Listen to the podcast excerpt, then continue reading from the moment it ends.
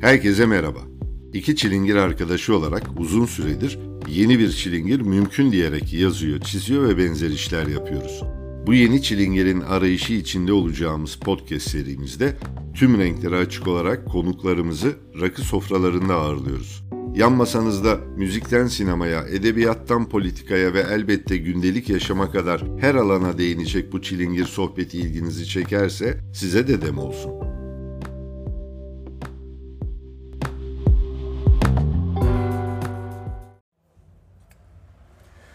Başladık. Yoldayız. Yoldayız diyordum bak ne güzel. Evet. Demedim Evet. bu sefer. Efendim hoş geldik. Hoş bulduk. Hoş bulduk. Yine Pavlonya'dayız. Yine e, bir çilingir Oh. muhabbetinin tam göbeğindeyiz. E, ve bu kez Japonya'dan caza uzanacağız çünkü masada Selen Gül'üm var. Japonya'dan caza uzanmak çok iyi oldu. Evet ya cazdan Japonya'ya da uzanabiliriz Şimdi istersen. Japonya'ya da uzanamıyoruz ya şu anda. Ya evet değil mi ya? Evet, enteresan. Ama tabii yani soruları alayım, ben size gönlümü açayım. Madem burada Japonya derken. Ya gel muhabbetin gibi. ortasındayız Evet, zaten. Hiç aynen. öyle soru moru yok bizde. Biz dümdüz gireceğiz, devam edeceğiz. Ama yine radyo programı gibi girdin Murat. Evet ya her zaman o değişmiyor ya. Benim radyoculuktan gelen bir alışkanlık. Çünkü abi 1990 kaçtan beri, dörtten beri ben radyoculuk yapıyorum. Dolayısıyla o günden Yapacak beri... bir şey yok. Bak, Biz acaba şey mi yapsak? Çok zorlamasak mı yani formatta? Evet, bence böyle de ya. röportaj yapmayacağız ya da radyo programı yapmayacağız diye konuşuyoruz. Bir şekliyle o eski alışkanlıklar devreye giriyor. giriyor yani yapılacak bir şey yok. Yani dolayısıyla ne yapalım abi? Nasıl gidiyorsa öyle gider. Şey Bence de sen öyle. Japonya demeden önce benim aklıma ilk şu geldi. Selen Gül'ünle birlikte bir kayıt yapalım mı dedi. Murat dediği zaman ilk şey dedim. Ya rakı ve caz. yani uyumlu mu? Ne kadar uyumlu? Biliyor musun dedim. Sonra dedi ki Selen bildiğin cazcılardan biri. Aslında yani Türkiye anlamında düşünürsen tam olarak bildiğin cazcı oluyorum. Çünkü caz müzisyenleri bayılıyor rakı içsin. O yüzden benim hem kanayan yaramdır bu konu hem de e, bir yandan da çok sevdiğim bir şey tabii. Rakı benim hayatımda en önemli içeceklerden birisi. E, çok eskiden beri ama hani caz müzisyenliğiyle bağdaştırmak bana hala biraz tuhaf geliyor. E, hemen orada onu da düzelteyim. Hani Murat'ın dediği bence şey biraz caz müzisyeni miyim ben? Hani o konuyu Ha, çok yani. bilmiyorum. Yani genel olarak Evet. Kendi müziğini yapan bir müzisyenim aslında. Başka alanlarda da çalışıyorum ama illa ki bir yere yani yapışmak gerekiyorsa o zaman caz. Ama caz ve rakı konusunda çok konuşurum ya. Ne konuşayım, ne anlatayım size?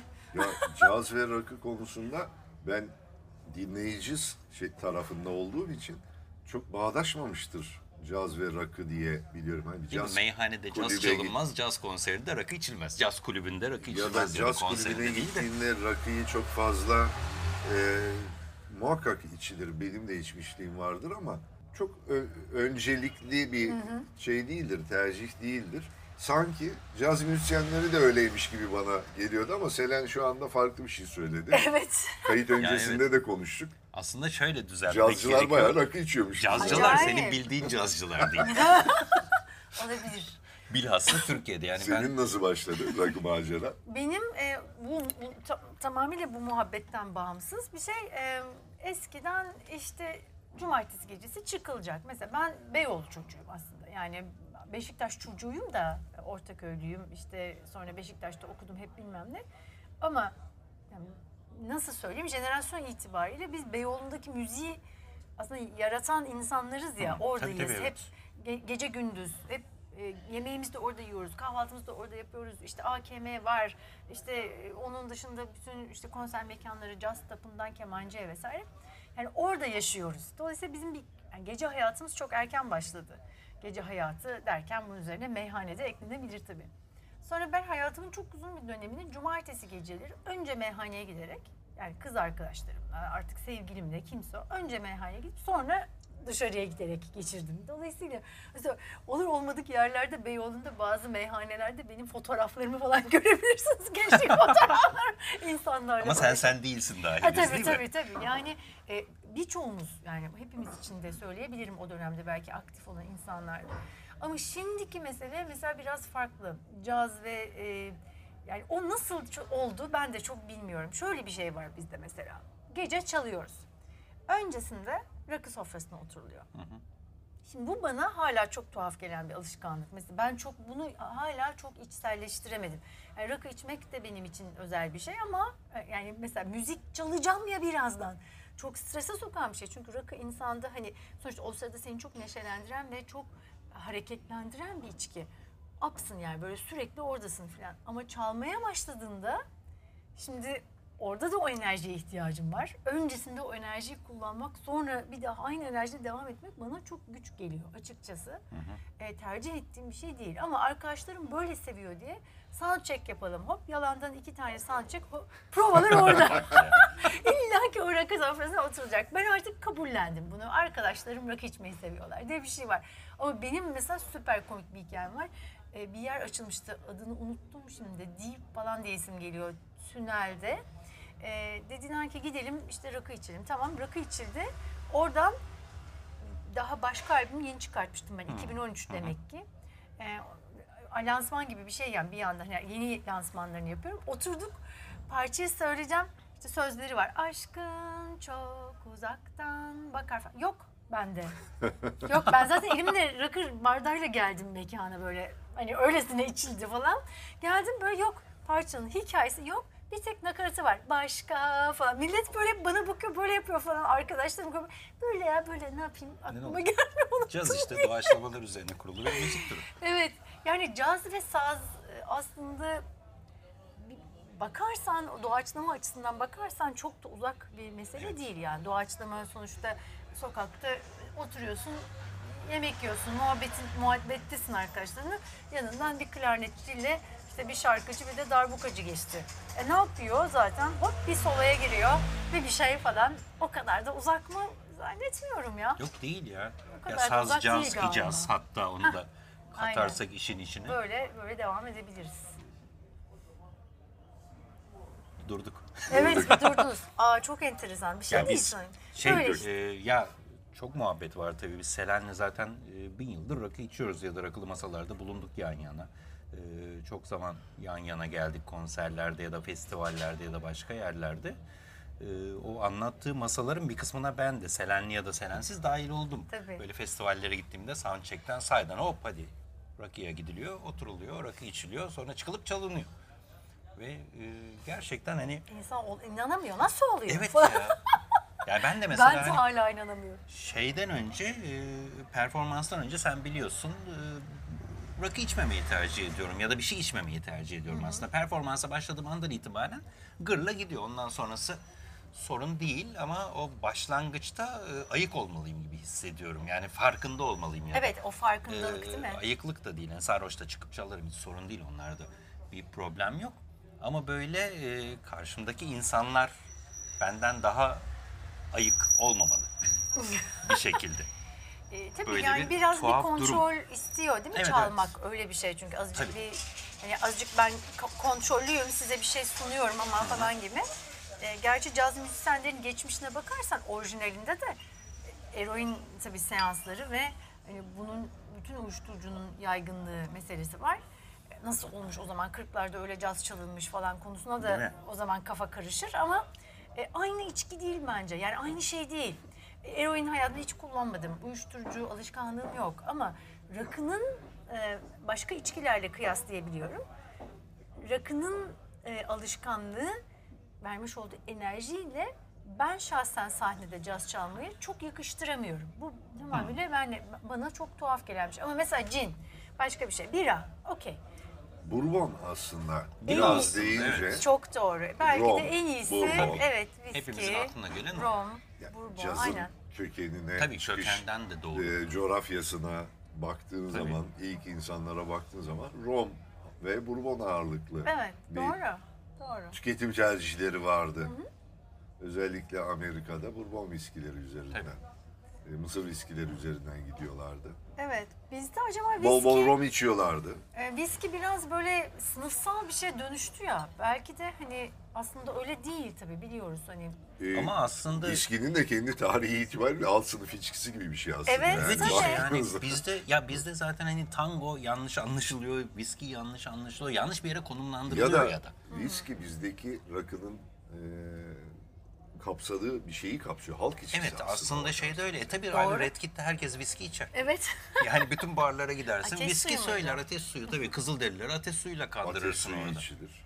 Tabii Ee, ki. Konyakçı diye bir Texas Ya, Tom Mix şeyinde. Evet. Tom Mix dedi. Tom Mix'in Tom- karakteri o Mix. şahane. Konyakçı diye bir karakter var ve gayet de pejmürde bir karakter. Çok tatlı en canım. sevdiğim karakterlerden bir tanesi. Benim de canım bütün çizgi roman tarihinin Evet, en evet. şahane karakterlerinden biridir o. Ve öyle ama mesela caz da Türkiye'de daha böyle şey algılanmıyor mu? Yüksek sınıf müziği imiş gibi. Benim için öyle değil normal şartlarda. En başından beri öyle değil. Hatta Türkiye'de pop müziğin kökeninde bence caz var ve cazcılar var. Tabii caz band değil mi? Tabii. Yani caz banttan çıkıyor ve cazcılar üzerinden gidiyor kuruluyor. Yani Süheyl Denizci, Erol Pekcan, Evet. E, İsmet Sıral hatta yani en bakıyorsun böyle hani amiyane tabiriyle dandik pop plaklarında İsmet Sıral orkestrası Evet. çalıyor abi arkada ve nasıl güzel çalıyor. Yani aslında hala öyle biliyor musun? Bu konuya da buradan gireyim. Tabii tabii işte ama Ee, mesela Tarkan'a da Evet, cazcılar eşlik Tarkan'a ediyor. da caz Alper Sönmez bas çalıyor. Nilipek, şey, Nilipek diyorum çok Nilkara pardon. İbrahimgil. Nilkara İbrahimgil de aynı şey. Sertab Erener'e de öyle. Tabii tabii yani işte, evet, doğru. e, caz müzisyenleri hala aslında bu işten, pop dünyasından para kazanıyor. Hatta bazı caz müzisyeni arkadaşlarımız da bu konuyu eleştiriyor. İşte o illaki çalışına e, sirayet ediyordur canım yani filan gibi. Ama Ya e, yani bu bir öyle ama e, evet bu bir para kazanma yöntemi. Aynı şey Onur Tunç falan hepsine bak. Tabii. Yani inanılmaz müzisyenler. hepsinin kökeninde. Bırak hemen sana caz müziği çalsın ama Tabii. işte Sezen Aksu'nun albümlerini yapmış filan. Yani burada e, eleştirmek değil mesele tabii para kazanma e, şeyine bakmak lazım. Dediğin e, konuya bağlayacağım. Nerede biz caz çalabiliyoruz? Yani caz çalmayı tercih ettiğimiz 2-3 yer var aslında şu anda. Tercih et, sen etmesen zaten daha fazla bir yer yok ama işte Nardis var. E, Kule dibinde 25 senesini doldurdu. Bu da Evet. çok büyük olay tabii Evet, bir evet. yandan. İşte Bova var. Şimdi Kafe Mithane'den sonra uzantı olarak devam eden Mis Sokak yeri diye tabii çok sahiplenmeye çalışıyoruz. Beyoğlu'nu sahiplenmeye devam ediyoruz. Aynı zamanda sahibini de Ahmet'i de çok sevdiğimiz için. Her gece her gece orijinal müzik var. Ama para kazanma meselesine bakarsam bunlardan para kazanamıyoruz. E, tabii. Yani çalarak para kazanmak caz müziğinde belki mümkündü. 2011'e kadar mümkündü.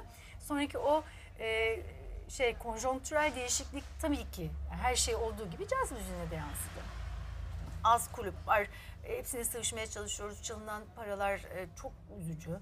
E, yani olacak iş değil aslında. Ama e, müziği devam ettirmek için kendi varlığını e, yok etmemeye çalışmak için o mücadele veriyorsun. Öte mecburen. yandan dediğin mesele var. İçkiler çok pahalı satılıyor. Girişler çok pahalı. E şimdi insanlar ben böyle bir yerden belki de kendime göre ödün veriyorum diyelim. Yani herkes için konuşarak söylüyorum. Öte yandan kulüp kendisini devam ettirmek zorunda. İçkiler pahalandı o bu.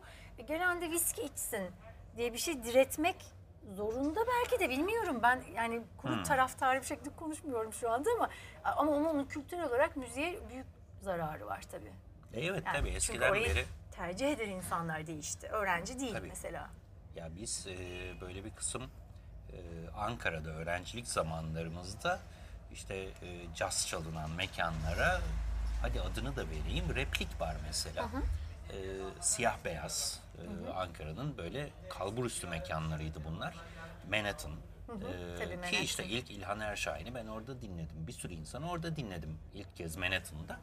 Ve e, işte replik bara böyle e, harçlıklarımızı biriktirip e, şey yapıp yani kuruşlarımızı hesaplayarak giderdik. Bülent Ortaçgil dinlerdik. Bak yine aynı konuya geleceğiz. Bülent Ortaçgil de bizi azarlardı orada. Evet azarlardı.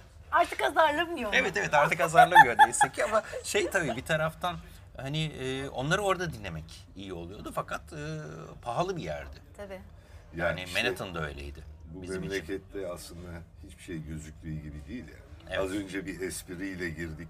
Cazcılar rakı içer mi? Aslında cazcılar viski içecek sanatçı kesimi arasında kafamızda veya dinleyicisi de öyle. Ama şimdi sen anlattın görüyoruz ki öyle bir dünya da yok. Cazcılar herhangi birimize sorsan iyi para kazanan müzisyen Değil mi? grubunda diye Tabii düşünebiliriz evet. bu memlekette. Sanki. Sanki. Tabii işi gücü kalmamış caz çalıyor gibi bir şey. Yani bir de evet bu memlekette Ama cazın algısı şey da öyle. Caz ya çalıyor. Türkiye'de maalesef abi caz denilen şey. E, yani işte cazırtı kelimesi cazdan geliyor. Evet. Caz yapma diye bir deyim var maalesef bizde. Ya da böyle yıllarca böyle e, batı müziği çalan orkestralar ki e, Batı müziğinin ilk yıllarında işte öyle çok tercih edilmediği yıllarda diyelim taşraya gittiği zaman Batı müziği orkestraları ki Erkin Koray, Moğollar şu bu falan caz diye algılanırmış. Şehre caz geldi. Evet, caz denilirmiş band geldi. Mesela Evet, tabii tabii, her şey caz falan. o dönem. Yani böyle sevilmeyen her şey caz. Böyle bir yerden geliyor caz Türkiye'de aslında. Bunun algısı da niye bilmiyorum aslında 1930'lu 40'lı yıllarda 40'tan sonra özellikle Türkiye'de en sevilen orkestralar caz orkestraları ve bütün kulüpler onun üzerinde kuruluyor. Anadolu Pop bile cazın üzerinden e, ortaya çıkıyor. İşte Bunun Tülay algısı- German e, bir şekilde Erdem Buri ile tanışıyor, çalışmaya başlıyor. Caz söylerken bu cazla bizim müziğimizi nasıl birleştirebiliriz? İşte Şili'de yapılan, Meksika'da yapılan, Güney Amerika'da yapılan ya da diyelim o hani Batı müziğiyle şeyi birleştirme hareketini biz Türkiye'ye nasıl uyarlayabiliriz? Diyerek işe girişiyorlar ve oradan Anadolu Pop çıkıyor. Yani Evet. tamamen caz üzerinden doğan bir tür. Ama işte çok Algı belki pardon kestim şuradan geliyor olabilir. Elinde viski boğazı seyreden elit imgesi siyasal Eyvah. çok kullanmayı sevdiği bir şeydir ya. Doğru. Tabii tabii. Bu Doğru. arka planda elinde viski boğazı seyrederken iki şey yapıyor olabilir. Ya klasik müzik arya ya da caz dinliyor olabilir. Tabii opera Başka bir seçenek çok, yok. Opera opera dinliyor falan da çok ürkünç bir şey yani bu ülkede. Ee, yani ama mesela bir yandan da ben e, geçmişe bakıyorum. Bu çok haklı bir serzeniş. Bu arada evet yani sanki caz müziğini sadece belirli bir kültürel altyapısı olan insan dinleyebilecek. Bir yandan haklı olan bir taraf da var. Yani kulakları eğitmeden, belirli bir seviyede bazı müzikleri açık olmadan sadece caz dinlemek çok mümkün mü bilmiyorum. Yani çok enteresan örneklerle de karşılaşıyorum ben tabii Eskişehir'de orada burada çaldığım zamanlarda gelip konuşan bazı öğrenci arkadaşlarım oluyor. Başka şehirlerden gelmiş. İşte Sivaslı Eskişehir'de okuyor. İşte e, e, Trabzonlu Ankara'da okuyor falan tamam mı? Bu insanlar gelip diyor ki bir ilk defa caz duyduğumda büyülendim. Şimdi inanamıyorum. inanılmaz bir şey bu. Evet. Şahane bir şey ama böyle bir şey de mümkün. Benim annem de bunun tersine klasik müzikle ilgili yaşamış. E, bu da çok şahane ama hani yüzdeye bakarsan çok az. Yani kendini geliştirmek isteyen bir insan için şöyle bir heyecan oluşturabilir diye düşünüyorum. Ah bu çok enteresan bir şey ya. Peşine takılıp gideyim. Başka bir dünya açacak bana gibi. Ama biz bu ülkede çok inanılmaz insanlar dinledik. Ben şimdi işte Berklee College of Music'te okudum ve büyük bir şanstır. Yani hayatımda dünyada çok acayip yerler görme şansına sahip olduğum sayesinde de hala da görüyorum. Ee, ve oraya gittiğimde ben anlatıyorum kimleri dinledim. İşte biz işte Astrid Gilberto, Stan Getz, Miles Davis, Mavişne Orkestra, Ray Charles falan diye sayıyorum. Miles Davis diyorum ya. Düşünsene Amerikalı ya. canım. Amerikalı gelmiş diyor ki bana ne? Miles'ı mı izledin diyor İstanbul'da. ya şimdi şansa bak yani bir yandan da işte İstanbul Jazz Festivali eski hali İstanbul Müzik Festivali iken işte Moskova e, Senfoni Orkestrası da var. Bunun içinde işte Berlin Filarmoni Orkestrası da var. O da geliyor. Herkes geliyordu o dönemde. Filmleri dinledik. Tabii, yani onun yanında çok daha belki. Kısa da olsa ne güzel bir dönemdi. Evet mi? yani. Ya Bu memlekette. Bize çok güzel denk geldi. Mesela belki de cesaret edip de hani neden caz falan diye bize tabii çok soruluyor. Allah bilir bundan yani. Çünkü biz oraya gidip evet. neler neler dinleyip neler neler yani canlı canlı önünde Pet Metini grubu işte o bu falan. E, Yan Gar- Garbarek zaten durmadan geliyordu. O zaten bir bizim evde çaldı Evet. bence yani. Biz şey dedik, iki telli de bir tane lojman ayarlasalar da zor olmasa. Ah. tabii tabii. Muhsin'le yaptığımız podcast'te dinlersen aynı kelimeyi kullandı. Evet ya. Yan de- Başakşehir'den toplu konuktan eve girmişti. Ya bu iki telli esprisi de. Serdar. Ateşer'in esprisidir zaten yani. evet evet bazı insanlar bir ara şey geliyordu sürekli. Neydi şarkı John Baez. John O Baez. da Ya John Baez geliyordu. bile az geldi aslında. Hani 1, 2, 3, 4, 5, 6 kere falan geldi. Çok tabii Türkiye için. Bu yıka Ama hani- yine Muhsin'in Stanley söylediği Clark Tabii, tabii. mesela. Başakşehir'den Ha, ev ilk- aldı evet, diye doğru. dalga Mesela geçtikleri. Hani Bob Dylan'ın 3 kere geldiği memleketten Evet. bahsediyoruz. Ya Ya, dünyada düşünebiliyor kaç musun? memlekete 3 kere gitti Bob İnanılmaz Dylan yani bir elbette şey. gidiyor da. Yani Türkiye'ye yolunu düşürdü. Çok büyük şans. Yani biz böyle şanslar e, arasında 80'leri hani 80'ler 90 düşün 70'lerden çıkmış 80'lerde bunlar olmuş 90'ların Evet. başı acayip acayip grupları canlı izleyince cesaretleniyorsun. Ben de yapabilirim. Bir şey var çünkü sahnedeki enerjiyi görüyorsun. İşte ben ilk Oscar Peterson'ı mesela piyano çalarken gördüğümde 15 yaşındaydım. Düşün Kit Jarrett aynı sene. Bu böyle sahneye geldi. Böyle dombul, dombul, dombul geldi. tamam mı? Oturdu neşeyle piyano çalmaya başladı. Ben o zaman konservatuar öğrencisiyim ve bize şey deniyor. Müzik çok ciddi bir şeydir. dik dur. Bilmem ne giy falan böyle hani çok korkutucu bir şeymiş gibi. Adamı bir gördüm çok eğleniyor. Tabii. Benim aklımda şöyle bir şey belirdi 15 yaşım. Ya ben de eğlenmek istiyorum. 15 yaşındayım. Ben de eğ- eğlenmek istiyorum müzikle ya. Ben niye müzik yapıyorum o zaman? Yani böyle Tabii, bir şey var.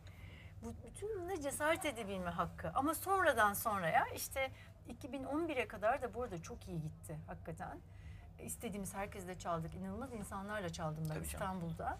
2013'e kadar bütçelere- iyi gitti aslında. Geziye kadar iyi Evet gitti. işte çok konjonktürel. Yani böyle tamamen blıp bam, vız, aşağıya doğru. Ondan sonrası elimle de gösteriyorum. Dinleyiciler görmüyordur şimdi. evet ya. aşağıya doğru. Bireysel olarak seni nasıl etkiledi 2013 sonrası? Ee, ya ben çok e, içindeydim olayların zaten. Ee, dolayısıyla 2000 çok büyük hayal kırıklıkları, önce coşku, hepsini ben de yaşadım herkes gibi. Sonra bireysel olarak beni çok saçma etkilediğini şöyle söyleyebilirim. 2014'te e, ilk defa e, sandık başındayız hareketini başlattığımızda ben belediye başkanı adayı oldum Ay doğru evet bir de onu yaptın sen ya. tabii. Ben onu bilmiyorum. Tabii tabii. Ee, bu da Doğru. böylece şey olsun hani bağımsız e, sandık başında durabilme hareketini ilk başlatan insanlarız biz. Tabii. Yani daha önce o müşahit denilen insanı müşahit diye bir laf bilmiyordu kimse yani. ben her gece televizyona çıkıp aykırı sorulardan bilmem ne programına kadar bu olayı Doğru anlatıp ya. bütün mevzuatı ezberledim tabii hukuken falan. İnsanlar sakın bana oy vermeyin. Onun için söylemiyorum ama gidip hani benim müşahitim olarak sandıklarda durabilirsiniz. Bir hani politik bir şey ol- olmasa falan diye. Sonra da tabii bundan başıma neler geldiğini tahmin edebiliyorsunuzdur ama hala şu an mesela hani Selen Gül'ün değil de ilk ismimle Elif Selen Gül'ün yazsan Google'da Belediye başkanı adayı. belediye başkanı adayı falan çıkıyor. Ya hiç pişman değilim tabii ama bireysel olarak beni böyle etkiledi. Yani ben zaten biraz e, mücadeleci bir tipimdir böyle kadın hareketleri konusunda da öyle hiçbir şey bırakmayan. E, peşinden koşan. standartları programıyla ilişkili e, şeyiniz de öyle değil miydi? TRT 2'deki Ha evet evet o Ha, evet tabii. evet. Yani Biz- para sen vermediler başlatmadın diye mı? aynen Evet. tabii olay çıkardım evet. Doğru. O- o- Şey de vardı zaten. O yakın dönem için. Çok yakın. Çok yakın bir Ee, dönemdi. iki, üç ay, üç ay oldu. Evet evet yeni oldu o iş. Şeyde de öyleydi mesela. Serbest'te de sen vardın değil mi? Tabii. Yani Serbest'te bayağı de. müzik, e, müzisyenlerin haklarını korumak için kurulan şahane bir Tabii, dernekti. tabii, Yürümedi. tabii. Olmadı ama hani böyle güzel girişimlerden biriydi. Ama mesela kazanımları var işte. Tabii. Uçaklara artık enstrüman alınıyor Kesinlikle. ve onu bagaja koymak zorunda değilsin. Evet yani sonuçta sandık başındayız hareketinin de yani son oy ve ötesi ve vesaire neyse neye evrildiyse yani sandığa sahip çıkmak bir demokratik hareket e, benim o, verdiğim oyun kıymeti var falan gibi bazı şeyleri e, harekete geçirmesi açısından çok önemli bir olaydı tabii. Peki Ben o programdan sonra da telif ödenme konusunda sıkıntılar çözüldü mü? Jazz hiç standartları bana dedim programına. evet yanlış e, caz hatırlamıyorum. ağacından bir seçmeden bir şey. Evet, unuttum bir şeydi ismini. Galiba. ismini hakikaten hatırlamıyorum. Ama e, yani e, çok büyük bir şey oldu. Yani tek bir bireysel bir hareketten e, çok hareket e, te- büyük bir harekete dönüştü. Ama müzisyen arkadaşlarımız peşimize takılmıyor. Meselemiz burada. Yani müzisyen arkadaşlarımız çok korkuyor. Onlara kızmıyorum hiç e, şey yapmıyorum. Çok haklılar ama kolay mesele değil. Yani peşine düşüp de böyle bir konunun e, vay be işte ben de o zaman para isterim haklı Selen falan yani hiçbir ses çıkmadı o konuda maalesef. Yayınlayacaklardı o programı galiba ama bir türlü yayınlayamıyorlar o bile hoşuma gidiyor. güzel güzel. Hafif bir geri adım Böyle oldu. şeyler. Ya işte e, acayip memleket bir taraftan aslında kendi müziğini yapmak için yola çıkıyorsun ve olur olmadık şeylerle e, uğraşmak zorunda kalıyorsun. Bu yüzden de mesela müziğini yapamaz hale geliyorsun. Tabii. Mesela değil mi? Öyle bir şey var mı? Hani seni Var etkiliyor mu bu arada? Yani ben çok enteresan bir şey oldu bana. Ben burada değil Japonya'da müziğimi yapamadım. İnanmazsın. Çünkü e, Japonya'da bir şekilde Büyükelçilikten bir teklif geldi. Şahane bir teklif geldi 19 Mayıs'ta ilgili. Ben de "Aa, tabii elbette çalarız e, muhakkak falan dedim. E, çünkü kimseyle aram bozuk olsun istemiyorum. Çok saçma bir şey yani ben gelmişim Tokyo'ya hayatımı kurgulamaya çalışıyorum. Büyükelçilik benden bir iş istemiş ve de e, şeyle Yunus Emre platformu aracılığıyla falan. Bu da çok büyük olay oldu bu arada. Gazeteler Evet. gazeteler geldi. O konseri önce okeylediler. Bütçesi çıktı. e, mekan bulundu. O bu falan. Biletler çıktı. Bir hafta kala iptal ettiler. Gerekçe? E, çünkü gerekçe olarak benim e, bir e, Ümit Kıvanç'ın yazmış olduğu bir yazıyı e, retweet etmemle ilgili bir gerekçe. O da e, içinde Tayyip Erdoğan'a kart ettiğin. Ha, Öyle bir şey yok ama bu arada yazı. Hiç alakası yok yani okuyorsun baştan sona dümdüz yazılmış bir yazı E, ve de benim hassas olduğum bir konuyla ilgili ben de kendim bir sanatçı olarak uygun bulup onu evet deyip ne güzel yazmış diye bir yazıyı retweet ettiğim için ben Avustralya'da turnedeydim bu arada. Bu haberi aldığımda döneceğim ve konser olacak diye düşünüyorum. Konserde Japonya'nın en iyi 12 müzisyeninin yer aldığı bir Blue Band projesi. Yani e, şimdi yine çalacağım. Yani en iyi 12 müzisyen diyorum. Bakın bütün hepsine sözler verilmiş. E, ben ondan sonra o konseri yine de yaptım 19 Mayıs'ta. İptal ettiler. Müzisyenlerin hepsine açıklama yaptım. Dedim ki sizi e, özür dileyerek e, bütçeyi buraya düşürmek zorunda kaldım ama e, böyle bir politik bir sorun oldu. Yapmak Destek isterseniz yaptın. Tabii kendim yaptım ama kimler destek oldu? Tokyo'da yaşayan e, restoran sahipleri oraya yemek getirdi, yemek sattı. İşte bilmem ne yaptı. O 19 Mayıs konserini yaptık. Dolayısıyla evet şahane bir sonuç oldu. Ama tabii çok üzücü. Bütün bunu bunları orada yaşamak müthiş üzdü beni. E, Yani neden böyle senin peşine düşecek kadar bu konuyu hassasiyet gösterdiklerini bilemiyorum. Kimse kimseye hakaret etmiyordu. Bir e, kitlesel eleştiri bile yoktu. Bir konuyla ilgili yazılmış bir yazıydı. E, hepimizin hassas olması gerektiğini düşündüğüm bir konu. Yazık, çok üzücü tabii bütün bunları yaşamak ama burada e, öyle bir ayrıma tabi kalıyor muyum? Kesin kalıyorum. Ama ben kendim de zaten o insanlarla öyle ilişkiler kurmayı tercih etmediğim için fark etmiyorumdur diyeyim. Ya bu ben biraz daha karşı bir noktadan belki bakıyorum. Sağlık belirtisi gibi geliyor bana. Ee, bu tür baskılara bir anlamda maruz kalmak bir ülkenin aynı zamanda fırsatı gibi de Evet, enteresan düşünülebilir. Yani Türkiye maalesef kendi rönesansını, kendi reformunu sivil cepheden yapabilmiş bir ülke değil. Evet. Dolayısıyla aydınıyla, sanatçısıyla, işçisiyle bu tür zorluklara maruz kalmadık mı daha önce? Evet kaldık Tabii. ama bu dönem 2000'ler işte konuşuyoruz 2013 sonrası özellikle yükselen belki referandum sonrası da yükselen böyle bir hatta her şey çok polarize oldu. Her şey çok kutuplaştı. Bu polarizasyonun e, çok arttığı bir noktada sana da e, yansıması çok kolay. Bir de en kolay belki gözden çıkarılabilecek e, kesimler arasındasın. Sanatçılar içerisinde de caz yapıyorsun yani. Murat az Şahane önce bir söyledi. nokta.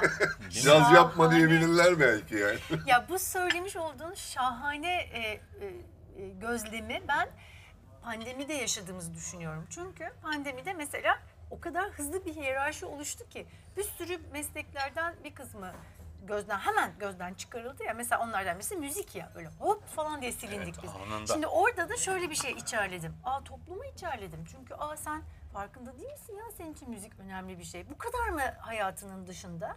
Bir anladık ki değil mi? Bunu anladık hep beraber. Hatalıysam söyle Murat. Yok yok doğru. Hemen bizi sildiler değil mi? Önce ha ilk buna Kesinlikle. ihtiyacım yok falan diye müziği attılar. E şimdi tamam işte insanlar intihar etti, o oldu, bu oldu falan çok acı bir şey. Dediğin gibi caz müzisyenleri zaten ölse de olur yani. Hani bunlar ne yapıyor ki kafa şişirmekte diye bir şey yani. Gerçekten hani biz hep ilk elenen e, yani çünkü eğlendirmiyorsun da yani toplumda müzik böyle bir şey olarak algılanıyor ya bizde. Müzisyen dediğin eğlendirir. Ama sen eğlence sektörünün içinde bir insan değilsen sanatla ilgili bir şey yapıyorsan hop hemen bizi attılar. Hop hemen yani. O zaman ben de içerledim. Şimdi konserime gelip şey diyorlar. Bir dönem hep böyle oldu. Her konserden sonra birileri gelip şey dedi. İşte, ah çok özlemişiz. Ne kadar iyi geldi. Ben de içimden şimdiye kadar aklınız neredeydi? Değil mi? Özlersin tabii filan diye böyle. Ya bu klişeyi söylemek istemiyorum ama coğrafya kaderdir diye ya değil mi? yaygın bir klişemiz var ya. Kayıtlardan silin kullanmayı sevmiyorum artık ama gerçekliği de var tabii. Japonya'da bile e, seni bulmuş bu coğrafya. Tabii. Şimdi bak evet bile kısmı aslında Japonya'da Selen kendini de buldu bir taraftan. Çok doğru. Ben Değil çok mi? rahat ettim. Yani ben Japonya'ya kadar ben 2003'ten beri düzenli yurt dışı turnesi yapan kendi müziğiyle bir müzisyenim. Ama hani Türkiye'de bunu bilen bilir, bilen bi- bilmem bilmez önemli değil. Ama ben cidden kendi müziğimle para kazanabilerek yaşadım hayatım boyunca. Ve bu işte Avusturya'sı, Almanya'sı, İzlanda'sı, Pakistan'ı, işte efendim Avustralya'sı, aklına gelebilecek bütün her yeri gezerek yapmış olduğum bir şey ve kendi müziğimi çoğunlukla lokal insanlarla çalıyorum. Mozambik falan yani öyle böyle. Bütün hepsi caz festivali. Çoğu caz festivali ya da büyük kulüpler, önemli kulüpler. E, bu bilinmez ama önemli değil. Hani bunu zaten e, şey yapıp içine dert edip de yaşayan bir insan olmuyorsun. Sürekli progresif böyle ileriye doğru bir şey yapmak istiyorsan. Ama mesele e, burada hakikaten e, bir şekilde istediğin gibi müzikleri bir araya getirememek, yaşayamamak falan meselesine dönüşünce çok büyük sorun oluyordu. Ne zaman ki e, Mehmet Ulu burada ismini sevgiyle anmak isterim. Beni böyle bir gün otoparkta yakaladı. E, 2006'da kayıt yapmıştım bir tane trio kaydı. 2010. Tam 2010'a yeni girmişiz. 2 Ocak yani. Bana dedi ki Selen ya dedi senin otoparkta du- duruyoruz. Senin elinde dedi bir trio kaydı vardı. Onu yayınladın mı? Yo dedim. Ver bize yayınlayalım dedi. Olur dedim. Böyle anlaşma yaptık. Double Moon.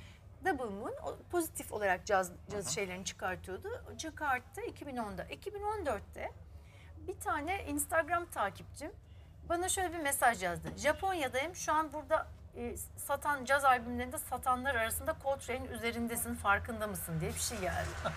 Ben böyle ne falan. Bu arada Japonya dünyanın en büyük caz müzik pazarıdır. Yani çok ciddiye alınır. Bütün Amerikanlar, herkes oraya gidip çalmak ister.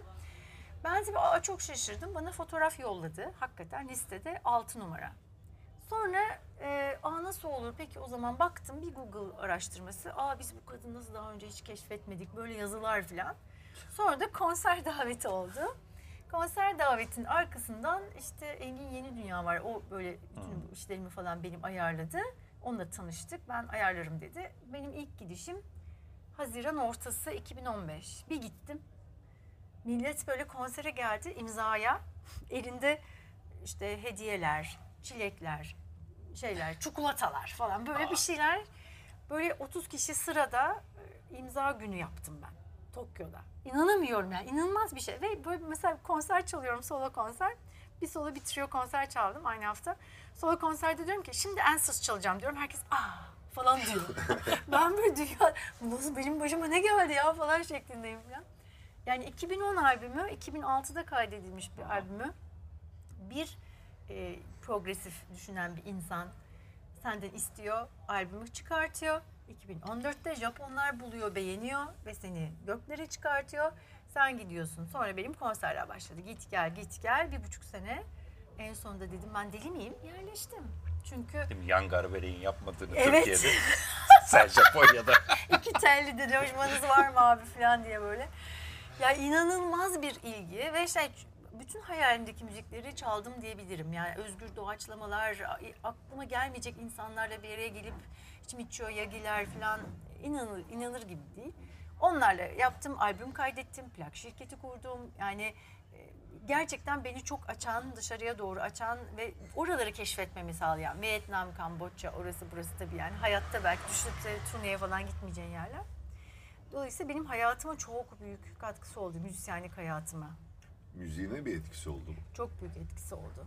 Olmaz olur mu? Yani yeni sesler duymak, Koto mesela. Koto ile doğaçlama albüm çalıyorsun. Koto enstrümanı ben hayatta nerede görebilirim dev gibi bir enstrüman ve kadın böyle iki koto birden getiriyor dünyanın en meşhur müzisyenlerinden birisi falan. Dolayısıyla e, yani dediğim gibi hayatımda hiç tanışmadığım güzellikte insanlarla müzik yaptım ve albüm yaptım.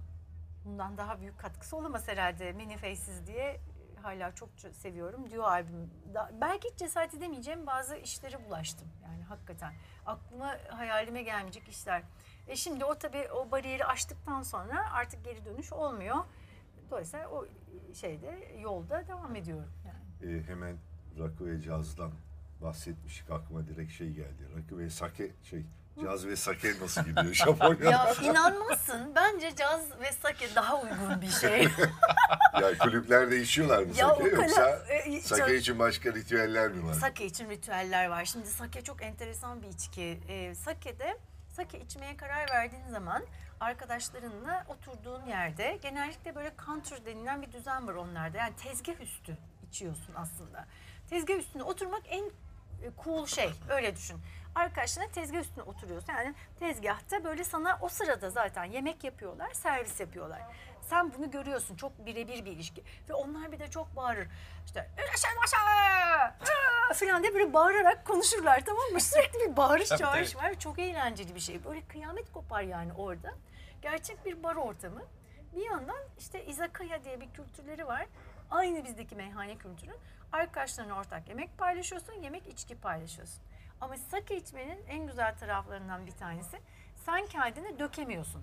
Dökmek diyeceğim çünkü böyle özel tabii her seferinde bir sake ısmarladığında özel bir şeyde eee, ne denir ona? Eee, Sake karaf gibi bir şey Karaf, mi geliyor? karaf çok güzel. Ha. Tamam kendine has bir karafta ve ona ait bardaklarla geliyor. Hı. O bitince başka bir şey karafta ve bardaklarda geliyor. O bitince falan çünkü o sunum müthiş önemli önem verdikleri bir şey olduğu Ama hep için. öyle değil mi Japonya'da her şey? Her şey. Yemeklerinde de öyle. Her yemeğine başka tabak gelir. Bir hepsi birbirinden deli gibi güzel falan. Dolayısıyla sake sen kendine koyamıyorsun. Hep ben içeyim, hep ben içeyim de bir şey yok yani.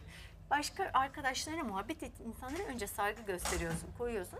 O da sana koyuyor. Böyle hani öyle bir şey tamam mı? Bardaklarda sürekli sake var.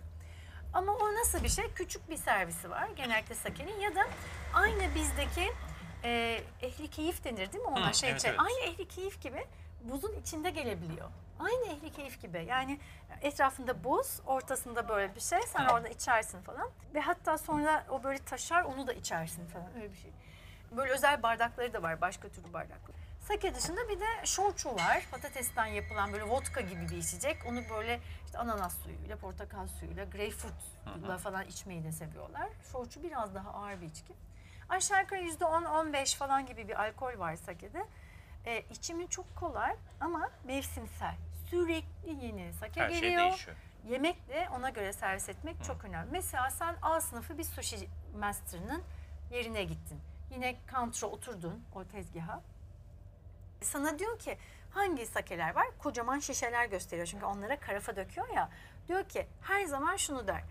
Daha e, dry, dry'ın nasıl diyoruz? Kuru. Kuru. Kuru, orta şekerli, şekerli. Öyle gider tamam mı? Ve sen onun sırası vardır normalde. istersen öyle gidersin ya da tercihin neyse oradan gidersin. Genellikle sake içmeden önce herkes bira içer. Bira içer, bir ferahlar. Sonra sake içmeye başlar. Ama sakeden sonra bira içmez. Yine mesela böyle şeyler var. Bizde de hani rakıdan sonra bira içmeyin diye bir şey vardır ya. Yani E, şimdi bizde cila olarak kullanılıyor kalem bardaklar. Evet çok vesaire ama seviyoruz, içiyoruz ama evet aslında içmiyorlar. Yani belki hani ondan sonra bir viski bara gidilir mesela. Viski barda fıçılarda işte bekletilmiş o yamazakiler, e, nik, nikkalar, hibikiler falan e, artık ne varsa orada. Japon viskileriyle aran nasıldı? Benim çok iyiydi. yani böyle hani en çok özlediğim şeylerden birisi olabilir bu arada. Hem servisini hani buz küre bir buzla yapılan e, servisini özledim hem de e, sonsuz çeşit ve e, onların her birinin işte yıllanması falan sana anlatılır. Böyle sevgiyle falan o ciddiyet yani içki sana sunulurken verilen ciddiyet falan. Demin başlarken dedim ya size insan kendini kraliçe gibi hissediyor ben ya ne biçim güzel bir şey yapıyorum şu an kendime viski ısmarlıyorum diye böyle bir keyifle içiyorsun yani şahane. Dolayısıyla bu söylediğimiz mesela viski, caz müziğine uygun hakikaten bir içki bence de. Sake de öyle yani bu muhabbeti yapıp bizdeki gibi içmeye gidilebilir ama yapmıyorlar. Çünkü caz müzisyenleri bambaşka bir e, şeyle ciddiyetle çalışıyor orada. O yüzden bazıları hiç içki içmiyor. Yani ben bir turne yaptım. 6 gün 6 gece başka şehirlerde çaldık. Tek içki içen insan bendim. 5 kişilik grup. Ya orada bir doz meselesi çok önemli ya. Evet. Bazen dozu kaçırınca Evet. performans da Tabii. çok kötü bir şekilde sonuçlanabilir belki onun için yapmıyorlar Evet onun falan ama ciddiyetiyle yapmıyor olabilirler. o stresle baş edebilmek için hafif bir iki e, shot da olsa alkol al, içki almak sadece müzik sektöründe değil, çoğu işlerde, Tabii tabii. çoğu sektörde de bu fena uçağa binerken olmayabilir bile yani. Öyle. işe yarayabiliyor öyle Yani bir şey. rahatlatıyor sonuç itibariyle. Tabii, Tabii yani bu şeyde hep görürüz ya bütün e, bütün Avrupa filmlerinde vardır ya her dönemde yani eve gelir hop böyle bir viski koyar falan. Böyle sanki hepimizin hayatı böyleymiş gibi izliyoruz ama bunu kaç kişi yapıyor Allah aşkına o ya da filmler şarap bizi yer. yaktı. Evet abi ya değil mi? Ben içkiyi tazelerken sen üstüne rahat bir şeyler al. Tersi mi diyorsa? Sen içkini tazelerken ben üstüme rahat bir şeyler alayım. Evet, yani Japonlar işte o konuda çok enteresan. Canım yani ben de izakaya kültürünü hiç bilmiyordum. Demin size söyledim tekrar edeyim. Yani böyle mesela bitmiş bira e, şeylerinin e, e, bütün Kasaları. sandıkların kasaların üzerine oturuyorlar mesela falan. Yani böyle balıkçı muhabbeti vardır onda da. Balıkçılık vardır tabii malum ada sonuçta. Balıklar böyle pişer, onlar gelir gider. Mevsimlik ne varsa hep öyledir yani. Acayip Sushi yok ama değil mi? Var mı? Sushi izakaya'da yok genellikle. O iyi bir izakaya olmaz yani olursa. Ama sushi tabii başlı başına bir e, inanılmaz bir, bir kültür. O oraya bir girsem zaten çıkamam. Onun için ayrıca bir gün gelirim. Size anlatmaya inanılmaz bir şey yani. Şimdi ramen çok acayip e, ünlendi. Her tarafta böyle hani sıcak çorba gibi işte noodle falan içinde böyle bir sürü başka şeyler var ama domuz olmazsa olmaz bir yemek olduğu için ben yiyemedim. Et yemiyor olduğum için sadece balık yiyorum pesketaryen olduğum için. E, orada yiyemedim ama e, bütün olay budur. Mesela onlar da gececi yemeği olarak 24 saat çıkıyorlar ramencilere gider. Bizim işkembe çorbası. Evet aynı Hı. onun yani bazı şeyler çok benziyor. Yani mesela Japonya tabii çok uzak geliyor herkese ama doğu kısmında birleştiğimiz yerler var. Dil zaten benzer. Öte yandan e, hamam kültürü var. Mesela tamamıyla aynı. Yani tamamıyla aynı kültür. Oturuyorsun kurnada yıkanıyorsun. Ve çok sevdikleri bir şey. Bunu işte sıcak su merkezleri var, kaynakları var. Oralara gidip yapıyorlar falan. E, öte Ki bizde yandan unutuldu artık havan kültürü Unutuldu değil mesela. mi? tabii. Evet. Yani halbuki onlar koruyor. Yani Evet. standart bir belediye havuzuna git hamamı vardır yani. Orada yıkanırsın falan. Ee, öyle bir şey ona çok sahip çıkıyorlar. Erkek egemenlikte de benziyoruz galiba. o konuda. O konuda- Görüşün nasıl? Hiç oluyor. Bu konuya girmeyelim. Eyvah! O, o bak üç ayrı program çıkar Ben bir şey büyük alabilir miyim falan diye böyle. Ee, nasıl benzerlikler var söyleyeyim. Yani bazı hakları korunmamış kadınların e, ve bu standartlaşmış bizdeki gibi. Yani mesela iş ahlakında e, ya da etiğinde diyeyim daha doğru olur. İşte sen hamileysen seni işten çıkarırlarsa buradaki mücadele etme şansın vardır ama kazanman zordur. Yine de yapabilirsin. Orada hiç yapamıyorsun. Baştan bunu bilerek giriyorsun. Yani hamile oldun, çocuk doğuracaksın seni atarlarsa okey. Yani bu en büyük şirketlerde bile böyle. Ya da sen bir pozisyondan girdin, müdür yardımcısısın. Asla müdür olmayacağını bilerek girmen lazım falan gibi. Böyle hani iş etiğinde e, kadınlık haklarında çok zorlayıcı şeyler var. Daha enteresanı ben oradaki ilk kadın e, ve müzik e, derneğinin toplantısına gittim. Bu inanılmaz bir şey. Yani ben de diyorum ki dünyada her yerde beni buluyor. Japonya'ya yaşamaya gittim. Değil mi? Bana dediler ki gel burada işte müzik ve kadın diye bir tane dernek var. Amerika'daki işte yansımasını burada yapacağız. Gittim. Şimdi ben bu konuda çok çok daha tecrübeliyim. İtalyanlarla çalışmışlığım var. İşte kitap yazdım. İşte burada başka türlü şeylerim oldu. Bütün toplantılara gidiyorum Avrupa'daki vesaire. İşte konuştuk konuştuk. Herkes konuştu. Biraz bizim hani Gezi'den sonraki forumlar var ya onun gibi oldu. Herkes böyle işte ben geldim ama burada işte benim işte müzisyen ol- olarak çalışmama izin vermiyorlar. İşte bar, barmaid olarak çalışıyorum. Onun yanında böyle şeyler yapıyorum falan. Herkes dert yanıyor yani. En sonunda böyle bir konu, ben de konuştum. Dedim böyle böyle böyle böyle şeyler yapılabilir. Sonra şöyle sorular gelmeye başladı bana. O kadar güvenleri yok ki kendi başlarına bir şey yapmak konusunda. Bunu söylemek çok acayip ama Tokyo'dayız. İnsan aklı almıyor. Dünyanın en iyi müzisyenleriyle be- beraberim ve bana diyorlar ki yani aramıza birkaç erkek alsak çok mu tuhaf olur? ben de dedim ki ya kadın derneği kuruyorsunuz yani her şey istiyorsanız parayla iş yaptırın tabii ama falan. Ya böyle çok inanılmaz gelmişti bana o sorular. Sonra bana dediler ki bu ilk toplantı.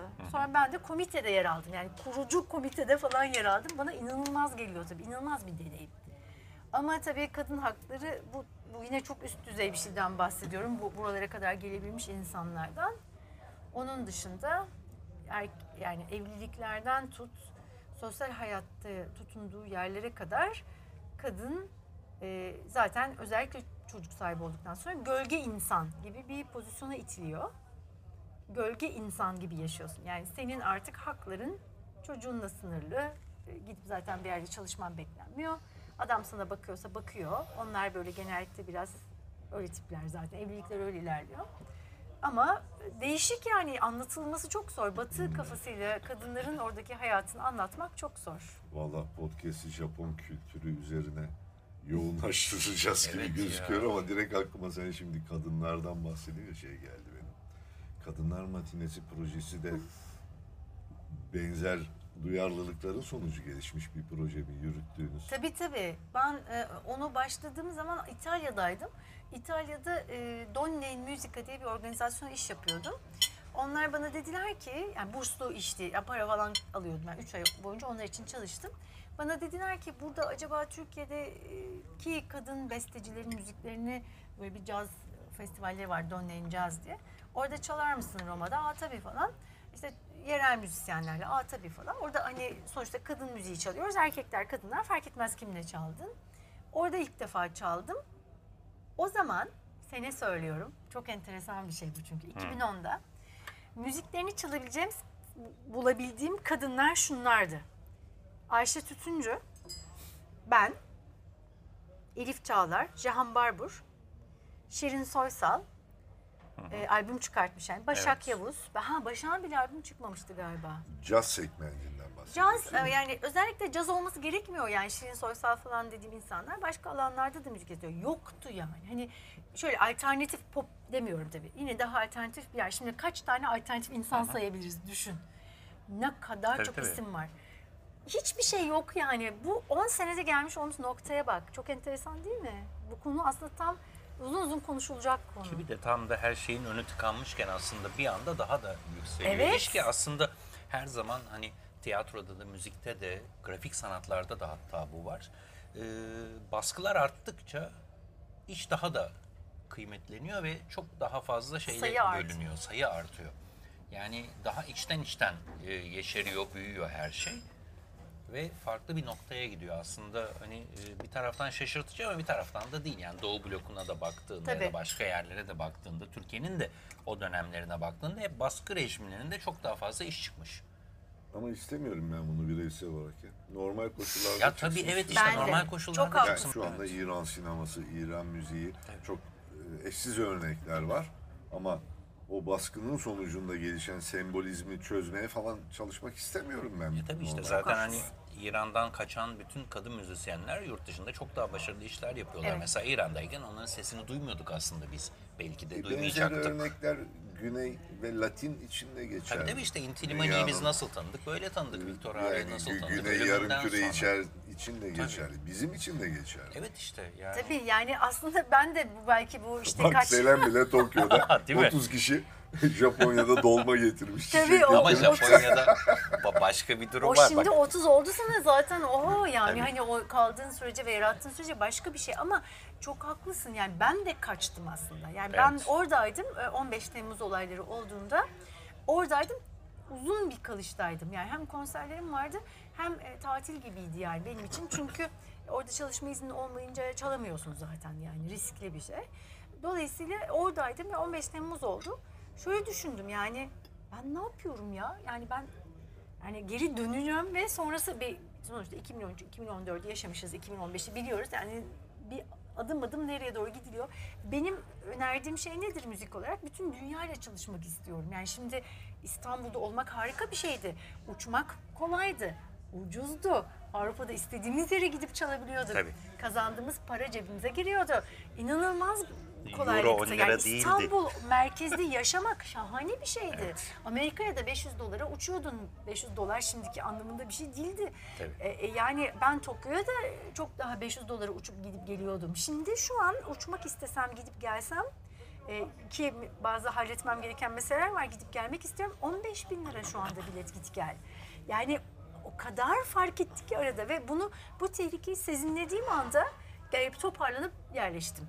Yani 2016 o yüzden hani 2016 2017'ye döndüğü an yani çünkü yaratamayacağım ki. Mesele burada. Mesela Japon çok güzel bir noktaya doğru e, evrildiği için oradan söyleyeceğim. Şimdi bazı arkadaşlarım var. e, son derece yaratıcı insanlar. Japonya'dan kaçmış. Onlar böyle yurt dışına kaçmış işte kendini daha iyi ifade edebileceğini, yani kadın olarak bunun yargılanmayacağı bir yerlere kendini ifade edebileceği yerlere kaçmış. İşte bazısı Amerika'da, bazısı Avustralya'da falan. Ve bana hep şöyle sordular. Bunlardan bazıları yönetmen, bazıları edebiyatçı falan. Selen yani neden Japonya? Kendi ülkesi düşün yani. Gitmiş oradan kaçmış. Bana diyor ki yani orada ne yapacaksın? Yani böyle endişeyle soruyor. Hani ben belki buraya gelecek bir insana sormam mesela böyle bir şey. Ne yapacaksın diye soruyor. Şimdi ben bunu anlamıyorum. Çünkü e, yabancı olmak, gavur olmak e, Japonya'da. Onun bir ismi var. Gaijin diyorlar. Bayağı ismi var. Yani sen yabancısın ve yabancı olarak yaşıyorsun. Hiçbir zaman içlerine karışamıyorsun. 20 sene yaşasan sen yine de gaijinsin. Bazen metroda yanından kalkan insanlar bile oluyor. Böyle bir şey yani hafif de faşist bir toplum olduğu için tabii. Dolayısıyla ben anladım. Sonra zamanla anladım.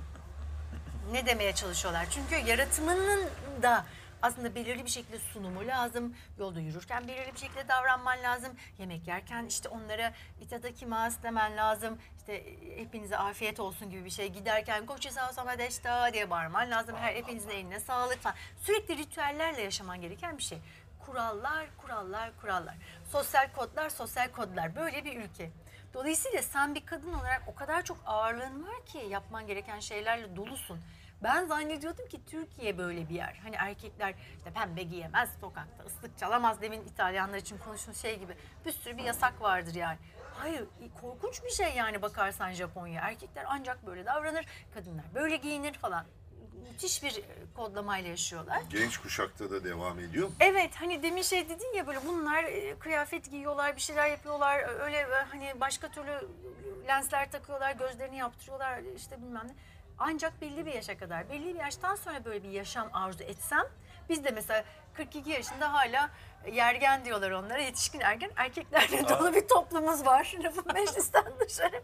Yani istediğin gibi yaşarsın yani o sana verilmiş bir haktır bu da ayrıca maskülen bir kültürün e, şeyi e, elde ettiği bir özgürlük erkekler için. Orada çalışmak mecburiyeti de var. Sen e, o kadar bireysellikte uzak bir toplum ki tamamıyla toplumsal her şeyin algılanma şekli. Çünkü süper seküler, hiç Allah'ım Allah belasını versin bu insanı falan diyebileceğim bir durum yok. Dolayısıyla bütün sorumluluk sende, bütün sorumluluk topluma karşı olan e, durumunla ilgili. Varsayalım sen intihar ettin, arkandan çok az insan ağlar. Yani intihar etti diye zaten toplumsal olarak bir çivi olamamıştı. Hiçbir yere Aha. çakılabilecek Zaten birisi yaramıyor. değildi diye. Tabii. Yani ailem bile çok üzülmeyebilir. Yani Ben toplumsal şaşıra şaşıra olarak. ilerliyorum çok acayip. Evet. ya. Yani Neyse yani- biz şük şükür mü etsek acaba? şükür içiyorum diyerek. Şükrü sana içiyorum diyerek. Yani Japonya'ya ilişkin pek çok e, bizim okuyarak, izleyerek, dinleyerek, Uzaktan. et- uzaktan edindiğimiz bilgi. Hani benim bireysel ya- so- sosyal yaşantımda da bir, bir iki böyle tanıklık orada yaşamış bir iki insan var ama sanatçı anlamında bildiğimiz bir Günseli Kato var. Evet. Bir Barış Manço'nun Japonya'da çok sevildiğini biliyoruz. Bir, Bir de, de Selen Babazula. Gül'ün Babazula. Aa, Babazula, Babazula da deniliyor. seviliyor, evet. değil mi? Babazula ve Babazula'nın Japon dansözleri. Evet. Türkiye'ye sürekli Nura mesela. Nura çok ben tatlıdır. bayılırdım Nura'ya. Onunla çok turne yaptık ve ben Japonya ile ilgili çok şeyi ondan öğrendim aslında. İlk sakemi ondan tattım. Ee, işte Japonya ile ilgili bir kısım tuhaf krakerler getirirdi her Evet, gidişinde ay ve oturup onları e, yerdik ve böyle hım hım hım falan diye yerdik ve çok şey anlatırdı mesela. Japonya ile ilgili benim en büyük şeyim Babazula'dan duyduklarım o turneler sırasında. Orada bayağı seviliyor galiba değil mi? Seviliyor, çok seviliyor. Yani belki Barış Manço'dan daha çok tanınıyor olabilir. Barış Manço Evet. bir fenomen e, Türkiye'de bu konuyla ilgili ama hiç girmeyeceğim. E, başka evet, o türlü iş- yanlış anlaşılan şeyler var var. tabii. ama e, mesela şeyi söylemek istiyorum. Bu kısmı çok önemli. Bunu söylemedim. Yani Japonya'yı yermek istemem tümüyle. Müzik açısından inanılmaz bir ülke. Yani bir müzisyenin hayal edebileceği, her şey yapabileceği bir yer. Müzisyenlik seviyesi çok yüksek. Çok fazla iyi müzisyen var. E, müzik çok seviliyor. Mesela burada ne, ne denir sana? E, ne yapıyorsun derler. E, müzisyenim falan dersin. Başka falan derler. Hani sanki o bir meslek değil. Orada iyi. falan. Ondan sonra bir de besteciyim dediğin zaman Allah o yemek iki katına çıkar. Sana servisler gelir gider, hediyeler verilir falan. Çünkü müthiş önemseniyor. Yani müzisyenlik çok ciddi alınan, hele yaratan müzisyensen müthiş ciddi alınan bir meslek. Onun dışında müzisyenler baş tacı ediliyor. Aynı zorluklar onlarda da var hayatsal olarak ama meslek olarak kabul edilmiş, e, kendi kendine yeten bir e, sektör. Öte yandan da yazılan yeni müziklere müthiş bir saygı. Ben hayatımda hiç bu kadar orijinal müzik çalmadım. Mesela bir basçıyı çok beğeniyorsun, çağırıyorsun, geliyor kendi müziğiyle. Yani çok inanılmaz bir saygı var müziğe. Bu da hepimiz beni çok memnun etti. Yani yaşadığım sürece yaşadığım en iyi ülkelerden birisiydi diyebilirim. Ee, buradan şey anlayacağız mı şimdi sen tekrar bir Japonya'ya doğru bir pandemi sonrası gidiş söz konusu olacak mı? Ya benim gelişim zaten biraz tarihsiz oldu. Pandemide Geldin ve sıkıştım. kaldın. Evet. Ee, hiç öyle bir niyetim yoktu. Nisan'da geri dönecektim ama pandemi oldu. Onlar da sınırlarını kapadılar. Uzun bir süre burada kaldım. Tam işlerim açıldı. Ee, burada işler açıldı. Para kazandım derken yine sınırlar kapandı falan. Ee, şimdi benim çalışma iznim var. Mart'ın e, ortasına kadar e, 2022'de. Gidip muhakkak bir ara gitmem lazım. Ya Şubat ya Mart. Hani Uzatman. işlerimi halletmem lazım. Uzatmak istemiyorum. Ha. Ee, uzatmak istemiyorum çünkü şartlar çok değişti. Yani ben bilmiyorum orada şey gibi burada mesela arıyorsun diyorsun ki Ocak'ta programın var mı birisine bir kulüp ar- sahibi arkadaşına ama orada 6 ay öncesinden booking yapman lazım. Müthiş ciddi bir profesyonel bir ortam var. Ee, dolayısıyla zannetmiyorum buradan eskisi gibi idare edebileyim işleri ya gidip orada sürekli kalmam lazım. Onu da henüz cesaret edemiyorum pandemi geçmemiş olduğu için. Bekliyorum. Bakacağım yani. Kararı vereceğim. Ama Şubat'ta gitmek istiyorum. Böyle bir kararım var. E, biz de gidelim Murat. Selen'le Gidelim abi, birlikte. hep Gelin Beraber. beraber İzakaya'ya gideriz. Ya evet aslında çok konuşacak şey var ama bir Evet. şekilde artık hoş geldin diyerek Hoş geldin bu işi diyerek bitirmemiz kapatalım. gerekiyor. Çok Hoş geldin teşekkür Selen. ediyorum beni davet ettiğiniz için. Çok harika bir muhabbet oldu. Evet bitirdik. Şahane. Vallahi süper oldu. Evet ya. Tam da Daha da konuşurdum gördüğünüz gibi. süre olarak gayet iyi bir şaşıra noktada. şaşıra Değil zaten mi? bir hal olduk.